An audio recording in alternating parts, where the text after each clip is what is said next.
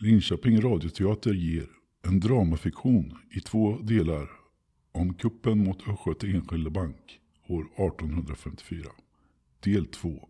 Uppklarningen.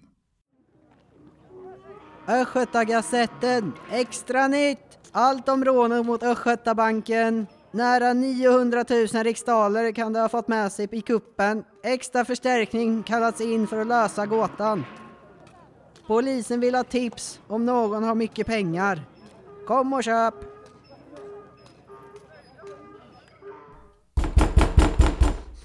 Kom in. Stig på Karlsson. God dag, rådman Lundeberg. Jag, okej, jag träffade Jonsson igår och han skulle betala en skuld och då erbjöd han mig att låna pengar istället. Han hade massor av pengar. Han hade fått för att köra runt för, på landfiskal Isaksson. Jag, jag tror det är från rånet, för Jonsson ville datera reserven till den 13 mars. Jag vill inte bli anklagad för någonting jag inte gjort. Tänk om jag blir misstänkt för det här. Då kommer hela mitt liv vara förstört. Lugn, jag ska gå till stadsfiskalen med det här. Så lämna pengarna hos mig så ska jag se till att de kommer åter till banken. Se så. Ge er iväg nu och tala inte med någon om det här. Så fort Karlsson lämnat rummet beger sig rådman Lönneberg och stadsfiskalen samt två stadstjänare till Jonssons bostad för att ta honom med överraskning. De knackar på och en helt oanande Jonsson öppnar dörren. De kopplar grepp på honom direkt. Vad tar ni till? Det har, det har ingen rätt! Men Jonsson lär ju ha mängder med pengar. Se, det är allt jag har. Ett par ynka kopparslantar i min portmonnä. Om inte stadsfiskalen misstycker så vidhåller jag om visitation. Okej, innan ni vänder upp och ner på mitt hem, jag erkänner. Jag har fått dryckespengar av Isaksson för många dagars körning. Här är de! Du har väl inte lånat ut bankens pengar till någon annan? Nej, jag försäkrar. Jaha, vad är det här då? Ja, det är bäst jag säger som det är. Den är skriven idag.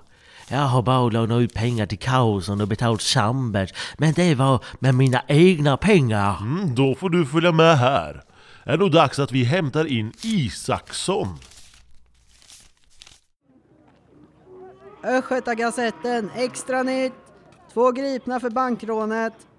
Pengar hittade i trädgårdsrabatt efter utsmugglat brev till hushållerska. Vi har nu hittat 24 865 riksdaler samt något som vi kan misstänka är uppdelning av rånbytet. Vi har en del lösa trådar. Larsson, du får, raka, du får raka av dig polisongerna och klä ut dig till oxhandlare och se vad folket på landsbygden har att säga.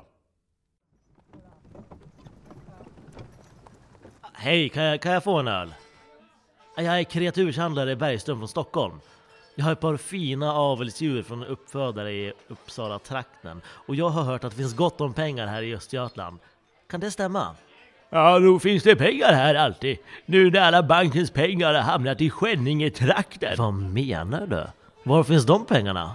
Ja, jag har nog inget sagt. Men det finns de som varit utan pengar förr, som är välförsedda nu. Ja, det är ingen hemlighet att folk i stan har betalat tillbaka skulder som ingen trodde att de skulle betala. Jag har inget sagt, men 22 000 ska han betalt till Kronofogden Yggberg igår. Ja? Annars har det blivit utmätning och ex, ex, ja, du vet sån där auktion. Jag säger inte vem, men du kan ju tala med Yggberg. Jag ska nog ta och göra det. Tack ska ni ha. PM Larsson ger sig ut i jakten på vem den mystiska mannen kan vara. Han gör nedslag på flera mötesplatser och torg samt hos Ygberg innan han återvänder fast beslutsam om vem mannen alla pratar om som helt plötsligt har fått det gott ställt. Jag har en storbonde, Svens Andersson, som kom in under förmiddagen för att ta ett lån i banken. Jag försökte fråga honom om rånet, men han har inte sagt ett knyst. Låt mig prata med honom. Jaså, du som har så dåliga affärer åker runt och betalar både Kronofogde och andra. 22 000 ska det visst vara. De var så nöjda fram till att jag kollade sedelnumren, för de var lite märkliga måste jag säga. Jo, jag har fått lite av korpral Strid. Och jag kan inte neka att ge pengar från banken. Då är det bäst att lägga all fakta på bordet och berättar vart pengarna är gömda. Jo, jag ska berätta. Det var så här, förstår du. Allt började... Strid hämtas in till förhör.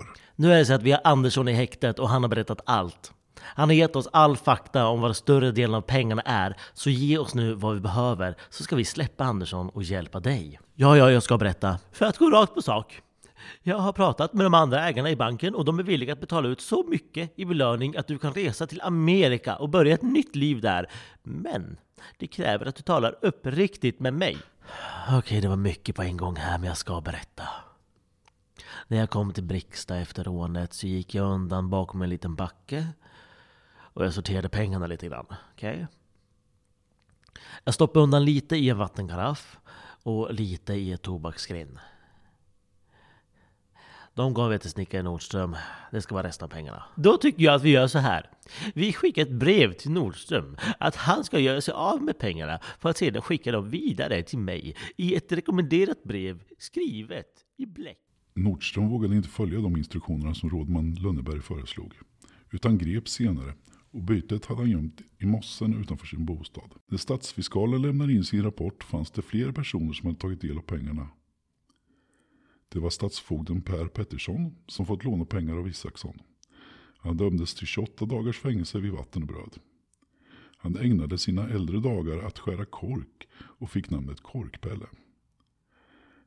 Även prästfrun från Klockrike, Kajsa Viridén, blev åtalad från att ha haft en kärleksaffär med Nils Strid och av honom erhållit 200 riksdaler.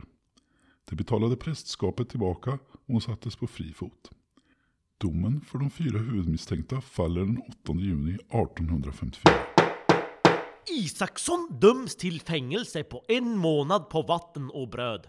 Rätten finner han för svag för spöstraff. Smeden Ekström dömdes till spöstraff och får sedan fortsätta sitt jobb i smedjan.